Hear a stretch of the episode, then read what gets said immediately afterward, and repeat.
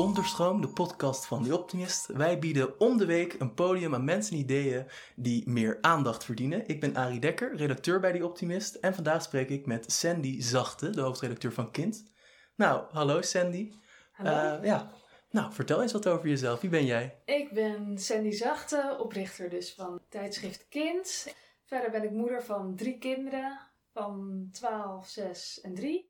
Nou, laten we meteen erin duiken. Eigenlijk natuurlijk de vraag waar deze hele podcast over gaat. Wat is natuurlijk ouderschap? Ja, daar zit ik ook nog steeds een soort one-liner van te verzinnen. Dat is er nog niet. Maar het gaat in ieder geval over een hele fijne gehechtheid tussen jou en je kinderen. Op de manier zoals we dat kunnen afkijken van heel, heel lang geleden. Dat is wel een beetje de, de basis. Ja. ja. En waarom is hechting dan zo belangrijk tussen ouder en kind? De hechting begint natuurlijk tussen ouder en kind. En als je als kind goed gehecht bent aan je ouder, kan je ook weer aan anderen hechten. En hecht, gehecht zijn maakt dat je je veilig voelt, waardoor je je gezond kan ontwikkelen. Uh, dat je later ook veel minder stress zal ervaren en al die welvaartsziekten die we tegenwoordig hebben. Daar, dat je daar last van krijgt. Het is natuurlijk geen uh, één op één, maar ja. gaat over gemiddeld. Want hoe is dan deze belang van hechting ontstaan? Je zei net dat het een oer bijna instinct Ja, het is, het is eigenlijk natuurlijk ouderschap is eigenlijk gewoon ouderschap zou ik zeggen. Zoals we dat altijd deden in de grootste deel van de tijd dat er mensen leven. En sinds kort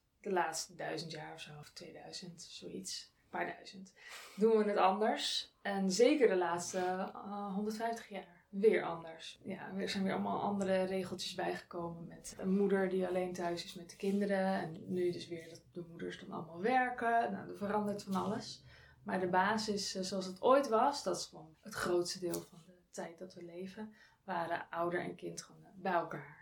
En daarbij is dan dus ook heel belangrijk om de behoeftes van je kind te leren kennen, toch? Ja. Welke behoeftes?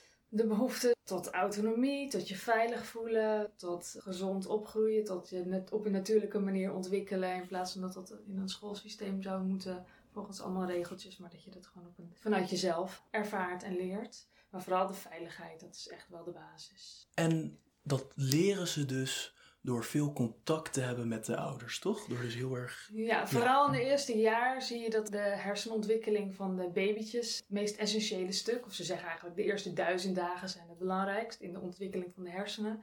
En uh, daarvoor is het belangrijk dat vooral babytjes aan je geplakt zijn, want zo groeien ze op een veilige manier. En je ziet al bij kleintjes dat ze snel cortisol stofjes aanmaken, stressstoffen, als ze dus niet bij hun ouder zijn. Nou, en als dat eenmaal zo is, dan blijven ze gevoelig voor stress. Want waarom eigenlijk helpt dan dit fysieke contact bij het leren van deze behoeften? Zit dat er niet gewoon automatisch in met het moederinstinct en dat soort dingen? Waarom wij het moeten leren als ouder, ja, je? waarom weten we dat niet al uit onszelf? We zijn ja, toch dat, ouder? Ja, precies. Ja, nou, dat wisten we dus wel ooit. We zeggen vaker van, we zouden eigenlijk overbodig zijn als er niet zoveel onzin was geschreven in de laatste honderden jaren door mannen achter een bureau.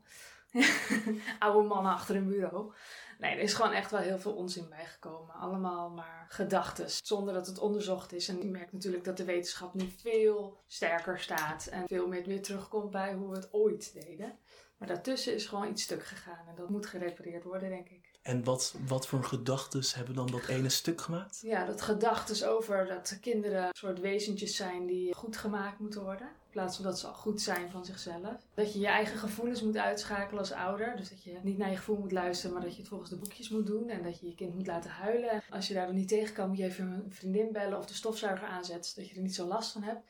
En alles maar om je eigen gevoel te negeren. Nou, dat klopt niet volgens mij. Ja, dus jij zegt eigenlijk, elke behoefte die jij naar je kind hebt, die moet je gewoon erin gaan. Ja, en dat vond ik in het begin heel erg lastig. Want ik zei, ja, volg je gevoel, wat is mijn gevoel dan? Want het ja. heeft echt wel jaren gekost, wat ik veel meer echt kon voelen. Waar zit die intuïtie dan hier ergens in mijn onderbuik? Oh ja, en dat je daar echt op kan varen. Dat, dat kan dus gewoon, ja. Dat kan dus gewoon en dat Ja. leer je gewoon. En daarbij is dus huidcontact ook heel belangrijk, toch? Dus fysiek contact tussen jou en de baby. Waarom Ja. is dat dan zo belangrijk daarbij? Je leert je kind het beste lezen als je veel nabij bent. Dus zeker die eerste fase, hoe hoe minder verstoringen daarin zijn, hoe makkelijker dat gaat. En hoe makkelijker jij ook leert als ouder wie jij bent, wat je te doen staat en waar je op mag vertrouwen. En dat je je kind ziet en dat je signalen leert herkennen. En dus er gaat gewoon heel veel meer vertrouwen vanuit als je in verbinding bent met elkaar. En signalen? Wat voor signalen geeft een kind? Nou, vroeger dachten ze wel eens als een kind huilt, dan moet het bijvoorbeeld drinken of zo. En inmiddels is wel bekend dat er iets van zes signalen voor zijn voordat ze het signaal huilen geven om te drinken. Daarvoor is het, ja, ik geloof dat het signaal drie is dat ze op hun vuistje gaan sabbelen. En twee is volgens mij dat ze gaan smakken. Maar bij de één is het al iets van bewegingjes. Het zijn hele subtiele dingetjes. En hoe meer contact je met je kind hebt, hoe meer je dat dus ook gaat zien. En hoe minder nodig is dat kinderen huilen eigenlijk. Dus- Dat het is voorbent. Ja. Dus je kan het echt gewoon leren. En ik las ook over instinctief vertrouwen op jullie website. Wat is dat dan? Instinctief vertrouwen? Ja. Vertrouwen we elkaar nog niet dan? Nee, instinctief vertrouwen op jezelf eigenlijk. En op je kind. Dat is dat onderbuikgevoel wat ik bedoel. Oh, oké. Kijk, als wij zelf als kind allemaal hadden mogen worden wie we wilden zijn, omdat we allemaal zo dicht bij onze ouder waren geweest en dat die ons had vertrouwd, hadden wij nu ook gewoon vertrouwd op ons gevoel. Kinderen vertrouwen ook op hun gevoel, alleen dat gaat vaak weg. Ze moeten het niet leren, vertrouwen op hun gevoel. Dat, dat konden ze al. Je moet Hm. alleen zorgen dat ze het niet afleren. En wij zijn het vaak wel afgeleerd en wij moeten het dus opnieuw leren. Dus voor onze kinderen moeten we eigenlijk leren om zelf instinctief vertrouwen weer te hebben. Ja. En ik had ook nog een vraag eigenlijk, nou, hoe dat dan zich ontwikkelt. Want natuurlijk, nu heb je het eigenlijk heel erg over baby's meer, als ik het zo hoor. ja. Hoe gaat het dan later? Zit er een einddatum op natuurlijk ouderschap? nou, de eerste duizend dagen dat die het belangrijk zouden zijn, ik denk dat dat wel klopt. Maar daarna blijft het zo. En ik merk nu met een kind van 12 dat je weer in dezelfde soort fase zit. Ja, ik geloof de antroposofie die rekent met zeven jaren van een ontwikkelingsfase. En dan gaat hij weer in de volgende fase. Dan begin je eigenlijk weer een soort van opnieuw. Ga je weer naar een nieuwe zeven jaar. Maar nee, er zit volgens mij geen einddatum. Ja, rond je 21ste, dat is dus drie keer zo'n fase. Dan zijn je hersenen zo goed als ontwikkeld. Dus wat dat betreft is het 21 jaar. Het is maar Ja. weer kijkt. Het wordt steeds iets minder heftig. Het verschil dat je kan maken. Ja, in het be- in het begin kan je het meeste doen. En daarna kan je nog steeds heel erg vertrouwen in een kind. En dan op zijn eigen manier laten ontwikkelen. En een veilig gevoel geven. Aanspo- nee, niet aansporen per se, maar gewoon bemoedigen. Ja, want je vertelde dus, een kind krijgt meer zelfvertrouwen en dat soort dingen. Wat doet het nog meer voor een kind later, natuurlijk ouderschap? Zo'n Ja, gegrond zijn, denk ik. Dat je voelt dat je de wereld aan kan. En natuurlijk heb je verschillen per kind. Het is ook niet zo dat je alle invloed hebt. Want dat merk ik zelf met drie kinderen al. Hoe ontzettend weinig invloed per kind je hebt. Dat dachten ze vroeger dus wel echt. Want je kan een kind gewoon in een malletje gieten en dan komt er wat uit. Daar geloof ik dus absoluut niet in. Je kan het wel doen. Je kan wel met een heftig woord de kinderen een beetje breken. Dat is eigenlijk het makkelijkste invloed dat je verschil kan zien. Maar dat, dat wil je natuurlijk eigenlijk helemaal niet uiteindelijk heb je dus dat je kind een karakter heeft en je hebt dat je ze daarin kan ondersteunen en volgen en er zijn en verder niet te veel nadenken, maar een Ja. beetje, ja, een beetje vertrouwen op jezelf, op de ander. Hoe verschillen behoeften eigenlijk per kind? Dus je hebt het nu over behoeftes, Ja. dus zoals je ze net ook al omschreef. Maar verschillen die ook per kind? Hebben kinderen andere behoeftes? Nou, in sommige opzichten niet. We hebben allemaal eh, behoefte aan veilig ontwikkelen. Dus dat is heel duidelijk. We hebben allemaal behoefte aan dat we het gevoel hebben dat er iemand achter ons staat. En dat je als je 16 bent niet denkt van... Oh, wat heb ik nou voor stoms gedaan? Ik, als mijn ouders er maar niet achter komen. Maar dat ze denken... Oh, ik heb zoiets stoms gedaan. Ik moet nu mijn ouders bellen. Die moeten me helpen. Weet je, dat wil je. En dat wil elk kind natuurlijk ook, dat gevoel hebben. En je hebt natuurlijk verschillen tussen kinderen. De een gaat veel beter op prikkels, de ander totaal niet. Sommigen hebben juist een beetje extra stimulans nodig, want die raken snel verveeld. En dat heeft allemaal ook met hersenontwikkeling te maken vaak. Ja, dat zijn verschillen. Maar de basisbehoeften niet. Die zijn voor Nee. iedereen hetzelfde. Dus daar zou je bijna een boekje over kunnen schrijven, als het ware. Ja, dat zou je, hebben we ook gedaan. Oh, hebben jullie dat ook echt gedaan? Nou, Ja. vandaar. Ja, en ik las ook, dus we hebben het zo over instinctief vertrouwen gehad, maar er is ook instinctieve communicatie bij de slaap. Ja, eh, nou, ik slaap samen met mijn kinderen, of tenminste in de eerste jaren. Trouwens, vannacht lagen er drie kinderen naast me, want mijn partner was er niet. Maar Hmm. normaal gesproken ligt er één naast me. En ik ken geen gebroken nachten, ik word nooit s'nachts wakker. Dat heeft ook met mij te maken, het is ook geen garantie of zo. Ik slaap zelf gewoon redelijk door, ook als ik merk dat er iets om me heen gebeurt. En zolang je borstvoeding geeft bijvoorbeeld, is in principe ook zo dat je kind niet hoeft te huilen voor een voeding s'nachts. Maar dat je dus in de eerste geluidjes, dat je daar op afgestemd raakt. Zo in de eerste maanden. moet je even aan wennen en zo. Dat je gewoon aan kan ploppen en doorslapen. Nou ja, dat, dat, de eerste signalen opvangen, dat, kan je dus, dat gebeurt ook s'nachts. Je bent natuurlijk gewoon dag en nacht ouder, niet alleen overdag. En dus eigenlijk uh, het grootste probleem van kinderen krijgen, nou probleem, maar het is natuurlijk dat je de hele avond wakker ligt, de hele avond is een kind aan het krijgen. Maar daar heb jij dus eigenlijk helemaal niet zoveel last van gehad dan? Of? Nee, en dat is ook wel geluk, want je hebt natuurlijk ook huilbaby's. Je hebt ook kinderen die echt ergens last van hebben, dat je daar eindeloos mee bezig bent. Wat is dat nou? Of is het een allergie of wat dan ook? Dus dat wil ik zeker niet bagatelliseren. En ik slaap goed, dus dat is ook gewoon mijn geluk. Maar er zijn wel heel veel samenslapende ouders die goed slapen, die prima slapen. En het zijn ook dingetjes als gewoon zelf eerder naar bed gaan en wat langer in bed liggen dan normaal. Dat soort dingen. En je hebt wat aanpassing nodig. Een manier van kijken, denk ik, keuzes die je maakt. Ja, want je hebt dus behoeftes lezen, samen slapen. Je hebt allemaal nou, regels, zou ik ze niet noemen, maar Nee. nou, richtlijnen. Ja. Hoe precies moet ik die nou volgen als ik een beginnend ouder ben? Ja, er moet dus helemaal niks. Wat ik zelf heel erg merk, is dat mensen in de eerste zwangerschap, wat wij ook zeggen, wij komen eigenlijk niet eens in je omgeving voor. Je niet, nieuwe ouders zijn vaak niet met ons, met kind bezig, met tijdschrift kind, totdat de baby er is. En dan is het ineens, wat gebeurt hier? Kraamhulp zegt dit, de arts zegt dit, en, en ik voel iets anders. En dan, dat, dat is het moment dat ze vaak bij ons komen. En dan merken ze dus juist dat er veel minder regels zijn. Dat je dus veel meer je gevoel mag vertrouwen. En dat is het moment dat mensen vaak denken: oh ja, wacht, ik mag dus wel gewoon bij mijn baby blijven slapen. En ik mag dus wel gewoon voeden wanneer ik wil. Dan hoef ik niet op de klok te kijken en gedoe. Want hoe komen beginnende ouders dan met jullie in contact? Ja, dat kan op meerdere manieren. We hebben bijvoorbeeld een gratis e-book over je, hoe je je voorbereidt op een baby. En we delen Hoe heet heel dat e-book? Eh, ja, volgens mij is dat zo bereid je je voor op een baby. Kan je ook downloaden op onze site. Soms zie je een Facebook advertentie langskomen. Die is wel heel waardevol. En we posten heel veel op socials. Dus je kan heel veel lezen van tevoren al. En heel veel zoeken via Google. Dus, Dus je zoekt op eh, hoe moet het s'nachts nachts slapen. Vaak dat soort dingen. Mijn baby huilt.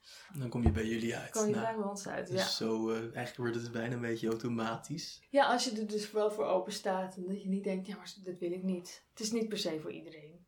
En dan terug naar die behoeften. Hè? Ik heb dus begrepen dat eigenlijk je dus een kinds behoefte eigenlijk bijna altijd voorop loopt. Maar waarom besluit jij dan dat zo'n kind een behoefte heeft en niet het kind zelf? Ja, Ja. nou dat verschilt dus per fase. Op een gegeven moment is je kind wel zelfstandig van de, de peuterpuberteit eigenlijk. Dan gaan ze nee zeggen. Vanaf dan begint dat ze, dat ze het zelf wel kunnen. En dat ze denken dat ze de wereld aan kunnen. En dat ze met hun rugzak zo naar buiten lopen. Zoals bij mij gisteren. Maar je reguleert de emoties van je baby. Dus je bent echt een twee-eenheid. De baby bestaat niet los van jou. Dat geloof ik gewoon niet. Het is toevallig uit de buik, maar daar houdt het wel een beetje op. En op een gegeven moment ga je vanzelf merken, dit wordt gewoon een zelfstandig mensje. En het slaat ook ineens zo om, dat je denkt, oh, dit is geloof ik niet meer een baby. Maar dat is meestal zo rond de, best een beetje rond de twee jaar. Ja. Maar dus eigenlijk hoef je niet blindelings de behoeftes te volgen. Nee, nee, dat is dus ook een, soms wel een beetje lastig. Van waar geef ik mijn eigen grens aan? Het is ook zeker niet de bedoeling je- dat je, dat je je kind van vijf maar op alle stoelen en tafels laat staan. Omdat die dat wil. En dat andere mensen er super veel last van hebben.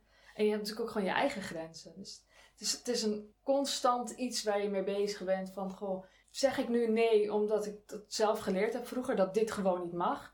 Of zeg ik nu nee omdat ik het gewoon echt niet fijn vind? En dat is, ik zou zeggen, de tweede is helemaal prima. En het eerste zou ik nog eens overwegen of dat dan nog nodig is.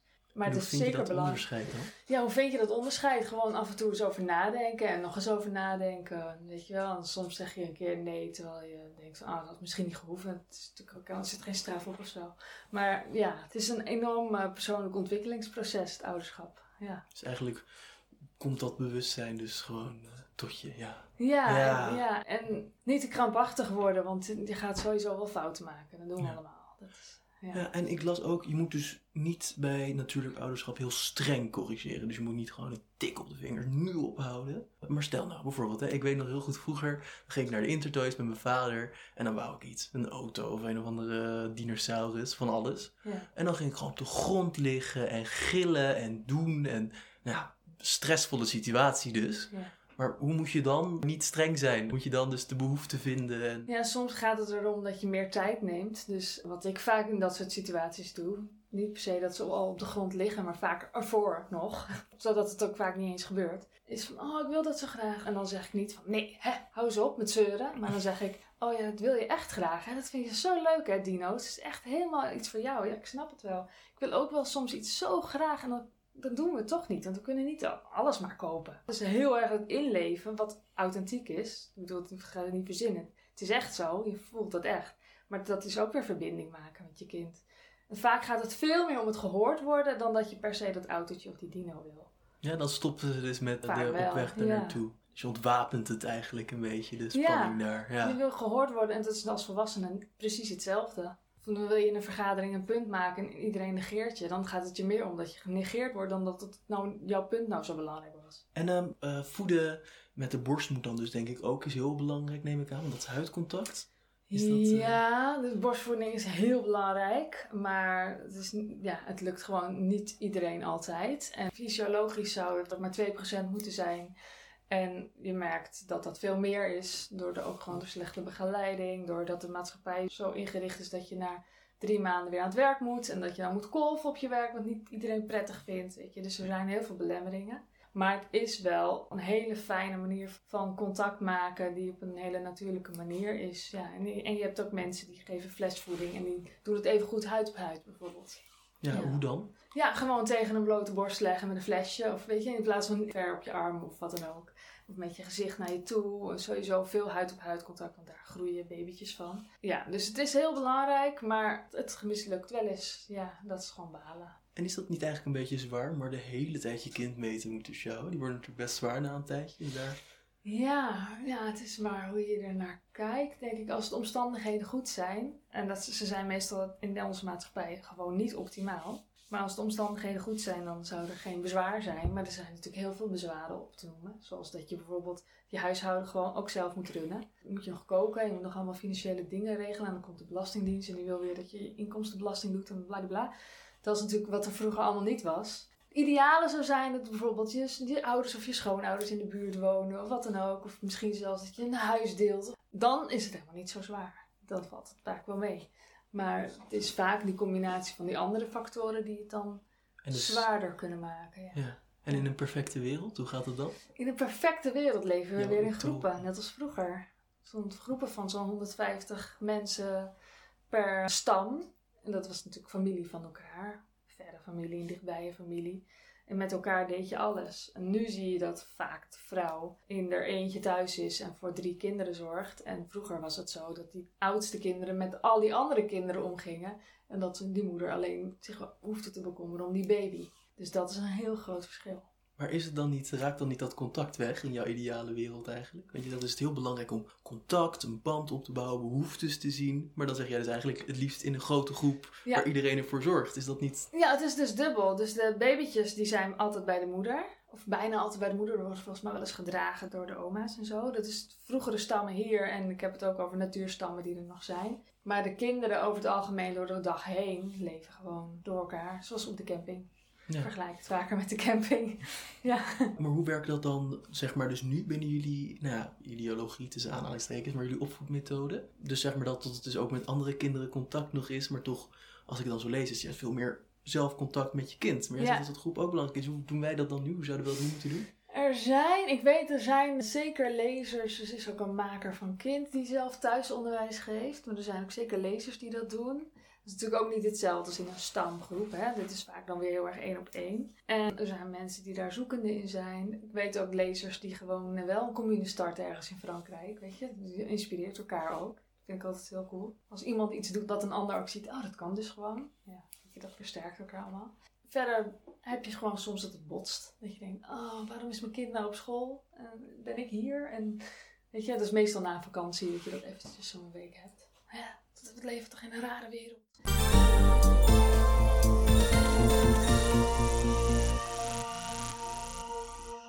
En hoe heb je dat zelf opgelost dan voor jezelf? Want het is dus duidelijk heel erg op de man aan eigenlijk hoe ver je je kind natuurlijk opvoedt en op welke manier. Maar hoe heb je zelf dan dat soort uh, die tegenstrijd? Ik zit denk ik wel een soort, soort in het midden. Bijvoorbeeld mijn baby's vanaf de tweede. De eerste vond ik het nog lastig om echt mijn gevoel daarop te vertrouwen. Dan had ik echt buikpijn als ik er naar de crash bracht.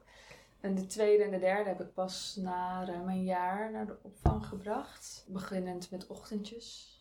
En dan smiddags liepen ze gewoon thuis.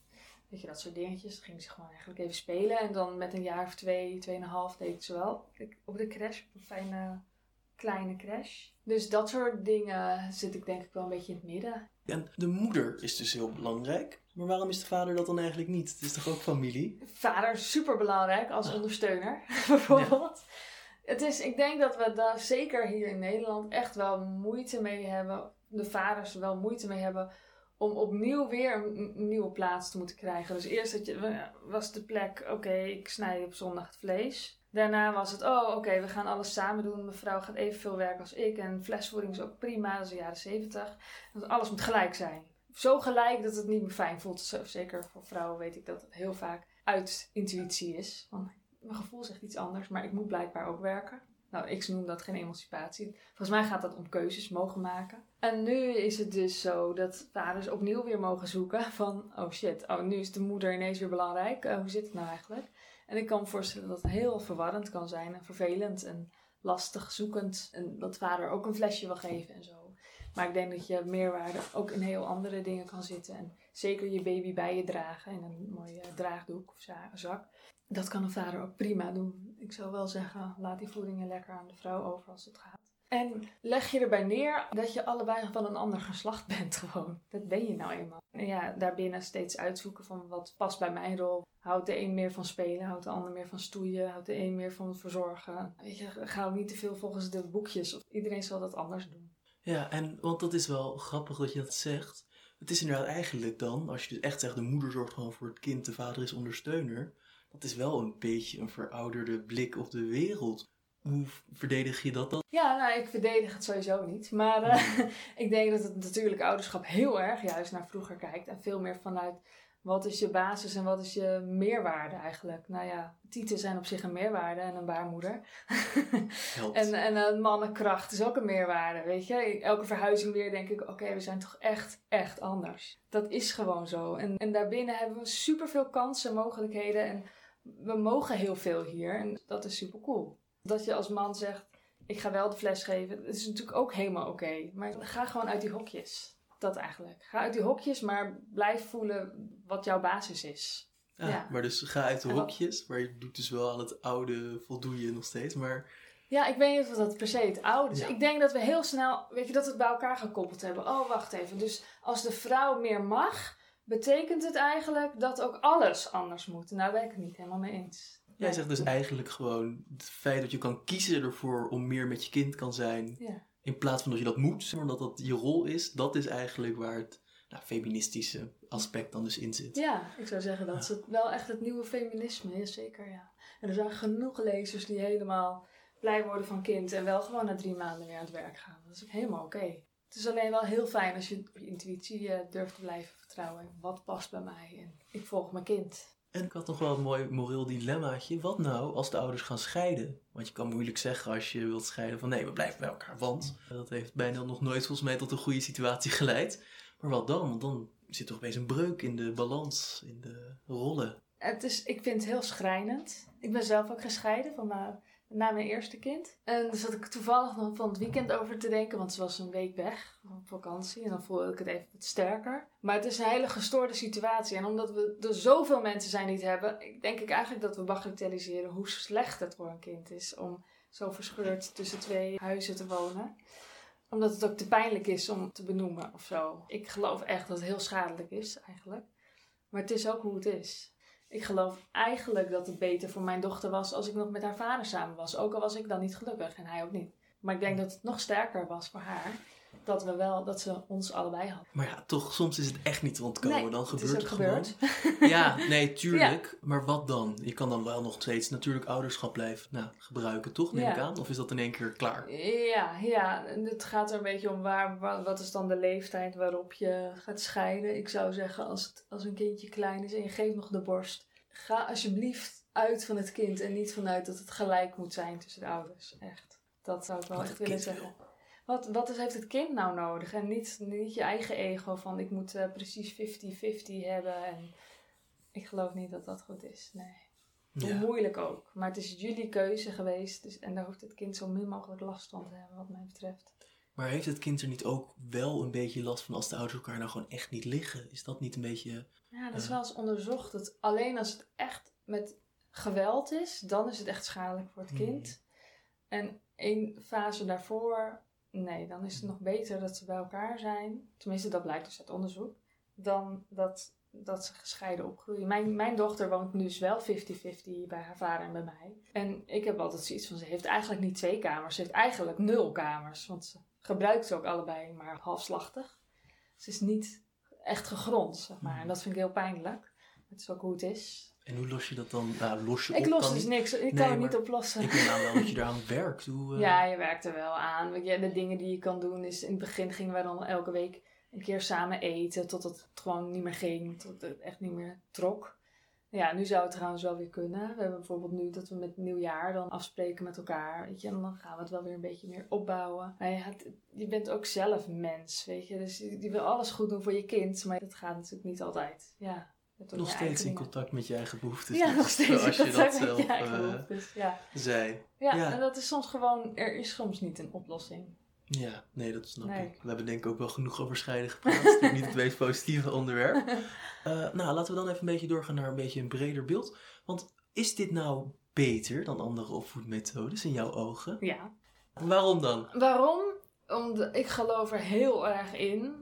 Ik zie ook hoe bijvoorbeeld leraren naar mijn kinderen kijken. Dat ze heel gegrond zijn gewoon. En niet brutaal of zo, maar wel vertellen wat ze dwars zit bijvoorbeeld. Maar goed, dat is alleen maar mijn eigen gezin. Uiteindelijk Ook belangrijk. ook belangrijk, maar dat is natuurlijk een onderzoek van drie. Hmm. NS3. Nee, uiteindelijk is het volgens mij heel belangrijk dat je je innerlijke, ja, dat klinkt heel zweverig, je, jezelf, dat je je op jezelf kan bouwen. Want uiteindelijk heb je maar één mens en dat ben je zelf. Al die andere mensen heb je niet. En hoe fijner je het met jezelf hebt, hoe beter. Dat gebeurt in het begin.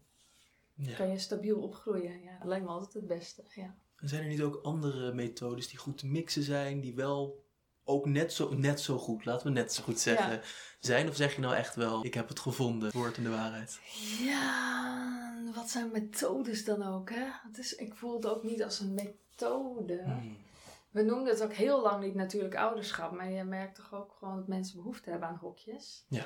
Maar het gaat er gewoon om dat we in alles proberen te zoeken naar wat is, wat is optimaal voor de ontwikkeling van mijn kind en mezelf. Hmm. Dus ik denk dat dat een beetje samenraapsel is van natuurlijk ouderschap. Je hebt het onvoorwaardelijk ouderschap, dat sluit daar helemaal op aan. Hoe ga je om met vanaf een jaar of drie met het echt het opvoedstuk? Dat je ook daarin niet heel hard loopt te straffen, maar ook niet heel hard loopt te belonen. Van goed zo, applaus, je doet het allemaal fantastisch. Dat je daarin ook gewoon bemoedigend blijft. En zegt, nou, fijn, eh, dat het gelukt is. Of dat je kind niet te veel vanuit een ander hoeft te halen. Dus dat zou je kunnen zeggen is een andere methode of een dingetje of een visie. Maar nee. Het zijn dus eigenlijk allemaal een soort van instructies van, hé, hey, dit zou je kind denk ik echt helpen, probeer het eens. Ja. En als het werkt, werkt het, als het niet werkt, werkt het Ja, niet. ja. Het zijn kleine takjes waar je van kan plukken, Precies. vruchtjes die je Ja. kan proeven. Ja. Ja. En dat doen we natuurlijk zelf ook nog steeds. Er zijn altijd mensen, gewoon individuen die weer iets moois bedenken. Of een inzicht of een leuke tekenopdracht om je kind zich te leren uiten of wat dan ook, weet je. Dus dat, ja. En wat voor een aanpassing? Want dus ja, jullie begonnen neem ik aan. met- Wie was het ook weer, degene die dat bedacht? Attachment parenting, maar ik ben even naam. Seks. Seks, ja. Ja. Hij bedacht dat dus. En zijn jullie eigenlijk nou, hoe erg zijn jullie veranderd? Wat is de ontwikkeling geweest van natuurlijk ouderschap? Waar het begon en waar het eindigt? Nou, ik heb zijn boek nooit gelezen. Nou, nou. nee, dat- ik weet niet, dat doe ik niet. Wij zijn zelf bij kind, hebben we het dus nooit gezien als natuurlijk ouderschap. Gewoon jaren later dat we dachten, oh, dit, dit is eigenlijk natuurlijk ouderschap. Maar we hebben nooit een leer gevolgd. Het komt vanuit allerlei wetenschappelijke kennis die we bij elkaar geraapt hadden en die we gingen volgen. Zonder dat we zelf konden beetpakken dat het een ding was of dat het een visie was. Het was gewoon, oh, dit wil ik delen en dit wil ik delen. En dan jaren later kijk je ernaar en denk je, ja, dit is eigenlijk allemaal één compleet verhaal. Ja, nou eigenlijk het laatste nog een klein beetje, nou kritisch zou ik het niet noemen hoor, maak je geen zorgen. Want het is natuurlijk best wel zwaar om de hele tijd maar bij je kind te zijn. En dat is natuurlijk dan fysiek zwaar, haha, want je telt je kind de hele tijd. Maar moet je niet als ouder dus ook gewoon op een gegeven moment wel een beetje zijn van nou, even niet. Heb je niet de eigen ruimte nodig? Hoe gaat dat in zijn werking als je ook de hele tijd maar in de behoeftes moet zien en Ja. signalen moet ontvangen? Het is heel zwaar. Ouderschap is sowieso zwaar, denk ik voor de meeste mensen. En ik herken heel goed dat je, dat je daar tegenaan kan lopen. En dat heeft niet eens volgens mij te maken met per se die behoeftes volgen. Ik bedoel, als je het op een andere manier doet, is het ook zwaar, denk ik. Ja, het is meer het altijd aanstaan. Al, dat er altijd prikkels zijn. Dat kan, heel- weet je, zeker als je wat gevoeliger bent, kan dat heel vermoeiend zijn. Het kan ook heel zwaar zijn als je de hele dag alleen thuis zit en er komt niemand langs en je zit daar met je kinderen en je moet het allemaal maar regelen en ze trekken aan je. Het kan ook zwaar zijn als je toch vier dagen werkt en daarna kom je thuis en dan heb je geen vrij meer zoals vroeger, maar dan gaat het gewoon door eigenlijk. Dus er kan op heel veel manieren kan het gewoon zwaar zijn. En wat ik geloof is dat de maatschappij veel te veel ingericht is op eenzaamheid. We leven allemaal in zo'n huisje met vier muren. En de buren doen precies hetzelfde. En die andere buren ook. We zien elkaar trouwens niet, want we werken op andere momenten. En weet je, ja. En we gaan allemaal ons eigen potje koken. En onze ouders weer ergens anders ook. En op een gegeven moment zijn ze bejaard. Dan stoppen we ze in een bejaardentehuis. En dan gaan ze met mensen eten die ze niet kennen, waar ze niks mee hebben. Maar die zijn toevallig ook oud. Dus daar heb ik ook wel genoeg gewoon commentaar op. Nee, ik denk dat, dat dat het meest zwaar maakt. Dat je, de eenzaamheid. Er zijn een miljoen Nederlanders zijn eenzaam. En dat zijn alleen nog maar degenen die het weten van zichzelf. Ik denk dat er veel meer mensen eenzaam zijn. Die voelen van, oh, ik ben moe. Of ik heb het zwaar. Die zijn vaak ook eenzaam, denk ik. Dus ja, het ouderschap is überhaupt zwaar. Of je ze nou tilt of niet. Dus eigenlijk zeg je gewoon, nou ja, als je dan toch een zwaar ouderschap hebt, waarom dan niet op mijn manier zwaar? Onze manier. Ja, ja, en goed voor jezelf zorgen is gewoon echt zo verschrikkelijk belangrijk. Dat heb ik heel erg onderschat in het begin. De eerste jaren. Dat, dat zag ik echt niet. Maar nu zie ik het heel duidelijk. Je hebt echt gewoon veel nodig. Gewoon omdat we het, überhaupt het ouderschap, iedereen hier, het anders inrichten dan het ooit bedoeld was. Dat je, toen werd je nog ondersteund. Toen kookte je niet zelf dat potje. Hè? Dat deed iemand anders. Die geen kinderen had bijvoorbeeld. Dus nu moet je zoveel alleen doen.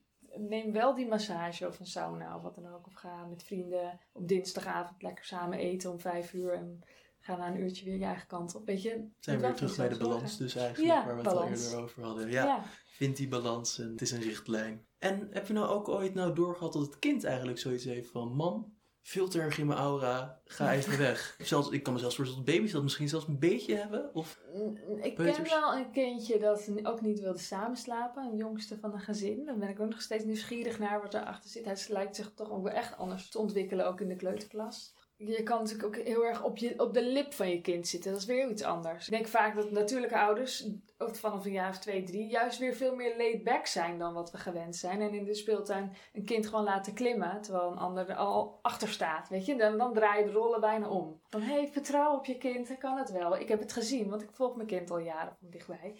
Ik weet het, hij kan het. dus eigenlijk de tijden die je hebt, moet je het gewoon even goed die signalen leren. Zodat je eigenlijk je kind helemaal los kan laten gaan. Dat zodra er iets is, spring je erop en zeg je... Hey, Precies. eh, je gaat bijna huilen volgens mij. Dat zag ik aan het feit dat je op je vuist zat te knallen. ja, precies. ja. Eh, dus hier spring ik in. Maar eigenlijk dus bijna doordat je zo dicht bij elkaar staat, kan je eigenlijk je kind wat verder weg laten zijn. ja, Toch? zeker. Ja. Nou, en ik had ook nog wat persoonlijke vragen aan jou natuurlijk. Want het is natuurlijk heel leuk om van je te horen. Want hoe ben je eigenlijk zelf dus in aanraking gekomen? Dus eigenlijk, je bent er een beetje ingerold bijna. Eh, Ja, toen ik wilde zwanger worden, toen was ik twintig. Toen eh, duurde het uiteindelijk nog twee jaar trouwens. Maar toen kwam ik in een gastenboek van een boek over jong moederschap. En daar zei iemand van, hey, kijk eens op dit forum. Ik ging naar dat forum. Daar zaten heel veel jonge moeders. Maar toevallig ook echt eigenwijze jonge moeders. Die dus allemaal wetenschappelijke dingen bij elkaar zaten te zoeken. En dat was het begin van de forumtijd. En toen ging het heel hard ineens. Weet je, je had tijdschriften en die, schreven dan wat. En dan maanden later lag het in een winkel en zo. En iedereen zat een beetje in zijn eigen vijvertje. En in, de forumtijd, eh, of sowieso de internettijd natuurlijk. Je kon ineens dingen googlen en zo. Nou, dat kon al. Ja, in de forumtijd kwam het ook nog eens samen. Ik heb dit gegoogeld en jij hebt dat gegoogeld. En dit wetenschappelijke bronnetje gevonden en wat dan ook.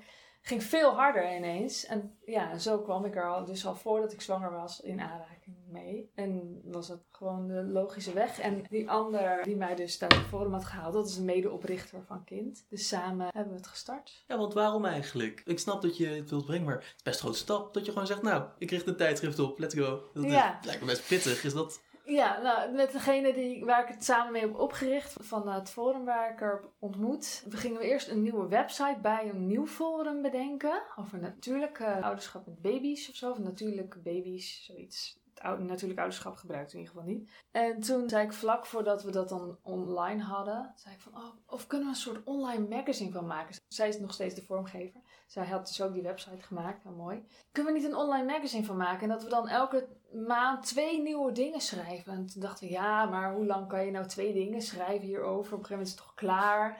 Maar toen begonnen we uiteindelijk. En we begonnen met tien stukken en daarna weer tien en weer tien. En we hadden steeds te weinig ruimte, want het, past ook, het was ook echt als een soort online tijdschrift. Dus het past ook echt maar tien items op. Nou nee, hoe meer je ergens in verdiept, hoe meer je er natuurlijk over wil schrijven. Dus het is heel lang uh, alleen online geweest ja, op een gegeven moment vonden we tijd voor een boek na vijf jaar.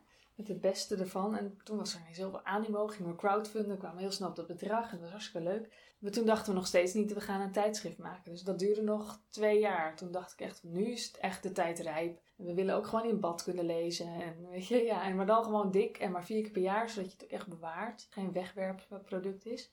En zijn we weer gecrowd, gaan crowdfunden. En nu is er dus een blad. Ja, zo ging het. Dat is echt een eigen initiatief dat gewoon werkt eigenlijk. Ja. En heb je nou eigenlijk ook al van lezers wat succesverhalen gekregen dan? Heel Mensen die veel. zeiden, ja? Laatst was ik in een cafeetje oh, hier in de, in de stad. En kwam iemand naar toe. Jij bent toch van kind? Ja. Ja, ik wil je echt bedanken. Je hebt me zo geholpen met mijn baby. En uh, echt zo blij mee. Maar ik heb natuurlijk niet echt iets actief. Ik ken er niet. dus dat is heel bijzonder. En heel vaak met berichtjes. Dus je zou eigenlijk iedereen dus aanraden om natuurlijk ouderschap te gebruiken. Ja, zeker. Uh, heel erg bedankt. Uh, ik heb ervan Graag genoten.